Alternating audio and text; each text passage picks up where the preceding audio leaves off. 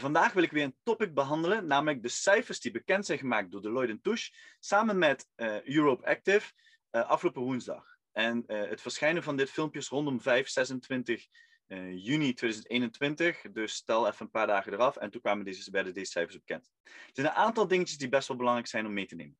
1. Technogym had een stijging van 71% op consumentenverkoop. Nautilus, een andere aanbieder van sportmateriaal, had een stijging van 70% en Johnson's kwam zelfs boven de 60%. Dat betekent de consumentenmarkt heeft uh, grandioos ingeslagen voor home gyms, etc.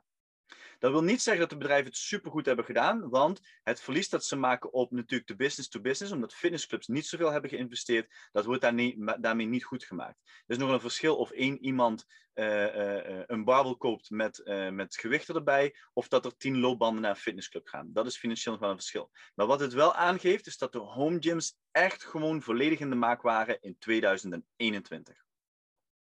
Een tweede belangrijk punt is dat we zien dat de top 10 grootste aanbieders in Europa uh, relatief bijna alweer terug zijn na de lockdown op het aantal leden tegenover voor de lockdown.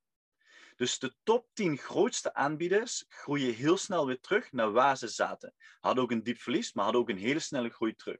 Maar die top 10 grootste aanbieders hadden wel de meeste joiners in, uh, tijdens de lockdown.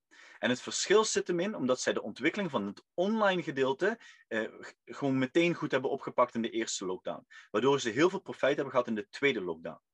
Ook dit is weer het resultaat en laat weer zien dat het aanbieden van hybride systemen, het aanbieden van online coaching, online groepslessen, online trainingen, etc.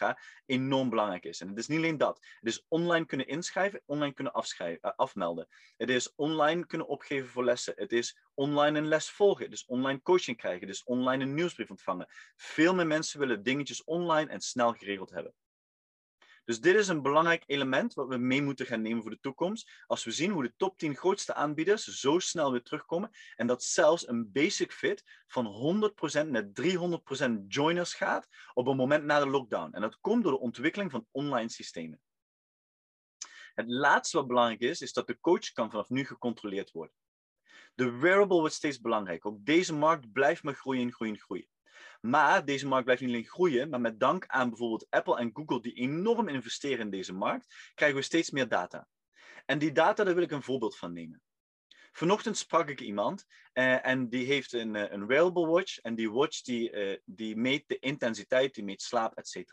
Maar die meet ook, of die doet in ieder geval een prognose over hoeveel vet, hoeveel koolhydraten er wordt verbruikt. Deze persoon doet een 30 minuten high-intensity interval training en ziet hoeveel koolhydraten verbruikt worden en relatief weinig vetten. En dat weten we, want we zitten hoog in de hartslag, we zitten met een zuurstoftekort, et cetera. En ik zal niet te diep op dit soort dingetjes ingaan, maar het gaat dadelijk om de bottom line dat de coach vanaf nu gecontroleerd wordt op alles wat hij zegt.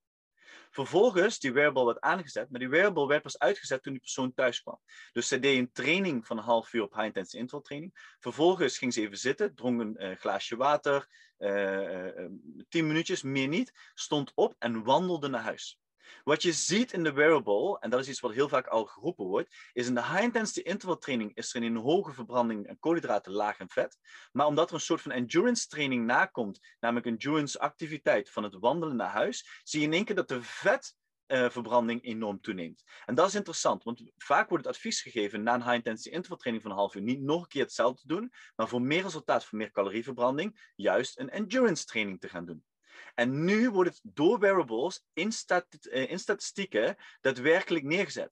Dus elk YouTube-filmpje dat gevolgd wordt, elk schema dat gedaan wordt, elk schema wat jij vertelt, elke uh, wetenschappelijk feitje wat jij vertelt aan je deelnemers, is dadelijk te controleren. Dus jouw kwaliteit moet goed zijn en jij moet de brug zijn tussen die wearable en die persoon. Zo kunnen we mensen daadwerkelijk coachen en laten zien dat wat we zeggen ook daadwerkelijk waar is.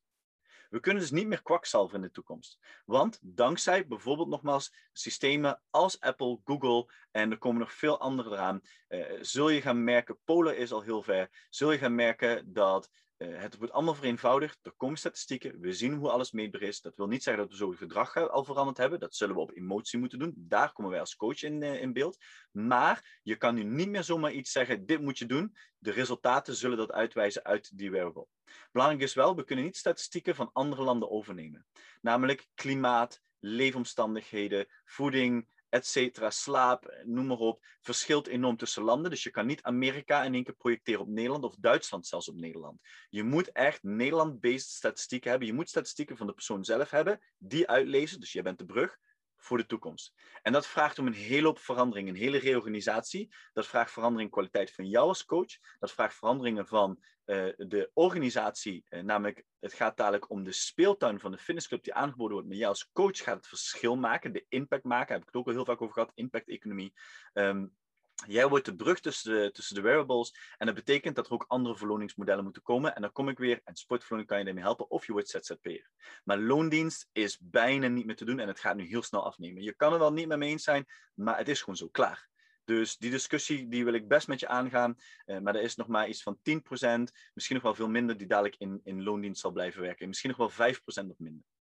Dus we zien door een toename in home gyms, waar mensen meer thuis gaan trainen, Um, en combinatie met open clubs. Ze komen echt wel naar de club toe, want ze willen die beleving. Ze, we gaan ook naar concerten en naar bioscopen. Die beleving blijft wel. Maar ze willen ook gewoon thuis kunnen trainen. Dus tijd, tijdstechnisch gewoon uh, uh, makkelijker. Um, uh, met het hele huishouden met kinderen, et cetera. En ze zoeken dadelijk de combinatie, dat hybride. Dat betekent voor lessen alles. De home gyms zijn gebouwd. We zien dat online belangrijk is voor snelle terugloop, terugkomst van nieuwe leden. Of van leden en nieuwe leden.